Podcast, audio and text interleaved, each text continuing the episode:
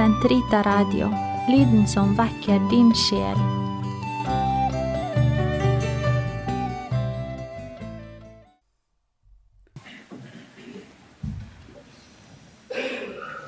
Kjære kristne, vi er altså kommet til tredje søndag i påsketiden. Og fremdeles så er det apostlenes gjerninger og den nye pakts historie som står i sentrum i første lesning. Og denne gangen får vi for tredje gang høre at apostlene er tatt inn i forhør i Sanedrin, Det høye råd, som er en slags både samtidig religiøs og politisk bestemt forsamling i det jødiske folk. Første gang de ble tatt inn, så fikk de bare en advarsel. Andre gang så ble de fengslet.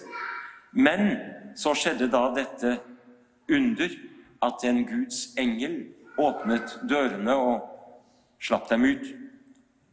Denne tredje gang vi får ikke høre det direkte i dagens tekst, så er det mer alvor. Nå blir de pisket.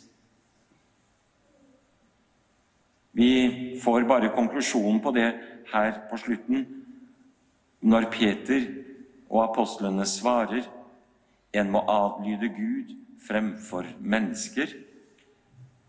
Et viktig utsagn. Men også når det heter om dem de forlot Sanedrin lykkelige over å være funnet verdige til å bli vanæret for navnets skyld. Og det er interessant her i vår tekstbok har man skrevet navnet med stor N. For det er både Jesu navn, men det er også samtidig det hebraiske Hachema. Det er navnet i betydningen Gud. For navn, Guds navn er så hellig at man nevner det ikke. Man sier bare navnet i stedet.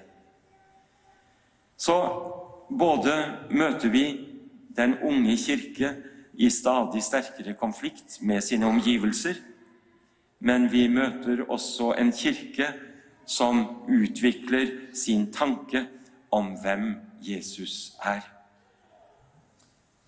Det samme gjør jo også apostelen Johannes når han i nærmest husarrest sitter på øya Patmos og skriver sin åpenbaring. Men her er det et språk som er vanskelig tilgjengelig for oss. I hvert fall skal ikke jeg i en kort preken begynne å legge ut dette, men bare minne om at han som prises og sitter på tronen, det er lammet. Og det er Kristus som offerlammet. Så midt i denne praktfulle skildringen av engler og presbytere, ja, også disse levende skikkelser, de fire i form av ørn og løve, menneske og okse. Alt dette er der for lammet som er ofret for vår skyld. Disse to lesningene danner da bakgrunn for en mye skal vi si, mer jordnær og frisk for beretning fra slutten av Johannesevangeliet. Det er for meg så vakkert direkte å se fra denne skal vi si litt deppa Simon Peter, som sier 'Jeg går for å fiske'. Nå er det ikke noe annet å gjøre enn å gå tilbake til det vi har drevet med. Og så er de der ute og fisker, og så er det Johannes da som plutselig, når han ser denne personen som står inne på stranden, sier til Peter 'Det er Herren'. Og så står det ikke før hadde Peter hørt dette, så hekta han på seg kittelen, for på datidens vis så var han naken om bord i båten. Og så kaster han seg i sjøen og svømmer inn for å komme før de andre. De har hatt en sterk følelse av at han var der hele tiden. Men noen ganger, ja, tre ganger heter det, det er også et viktig tall i bibelsk sammenheng, for det har med håp å gjøre. Tre ganger har han gitt seg til syne. Og en forunderlig detalj denne gang er at de ser at det ligger noe fisk og blir ristet over kullild der på stranden og brød ved siden av. Allerede der er det en eukaristisk antydning. Men så sier Jesus Bring hit noe av den fisken dere fikk. Det er et fellesskap her. Og så det rare. Det var fullt av store fisk, heter det i båten. Ikke færre enn 103 av 50. Og da går jeg en liten tur innom den gamle kirkefader Hieronymus, som sier at det er ikke tilfeldig. For de trodde den gang på Jesu tid at det fantes 153 forskjellige typer fisk. Så det er et uttrykk for at alle skal med. Her er det hele verden som favnes i dette egentlig eukaristiske måltidet som feires. Og så denne vakre slutten med de tre spørsmål fra Jesus til Peter. Og en Peter som står der ganske flau og med seg, for han har, husker vi, sviktet Jesus tre ganger da før korsfestelsen. Og så, som pave Bendikt har påpekt, her brukes to greske verb for å elske. Agapao og philo. Det første det er den virkelig altomfattende kjærlighet. Og det er det Jesus bruker når han sier, 'Johannes, sønn Simon, har du meg kjær?'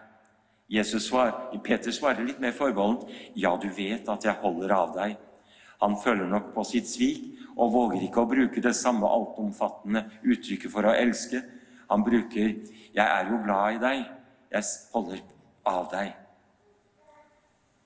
Og det gjentar seg det samme andre gang, men så tredje gang så bruker Jesus også dette litt svakere ordet.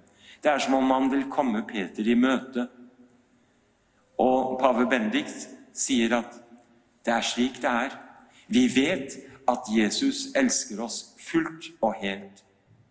Men han vet også samtidig at vår kjærlighet, den er ufullkommen. Vi vi vakler, vi vingler, vi kommer til og vi går fra. Men selv om vi bare sier 'Jeg holder av deg', Jesus møter oss der og sier 'All right, Peter. All right, hver enkelt kristne.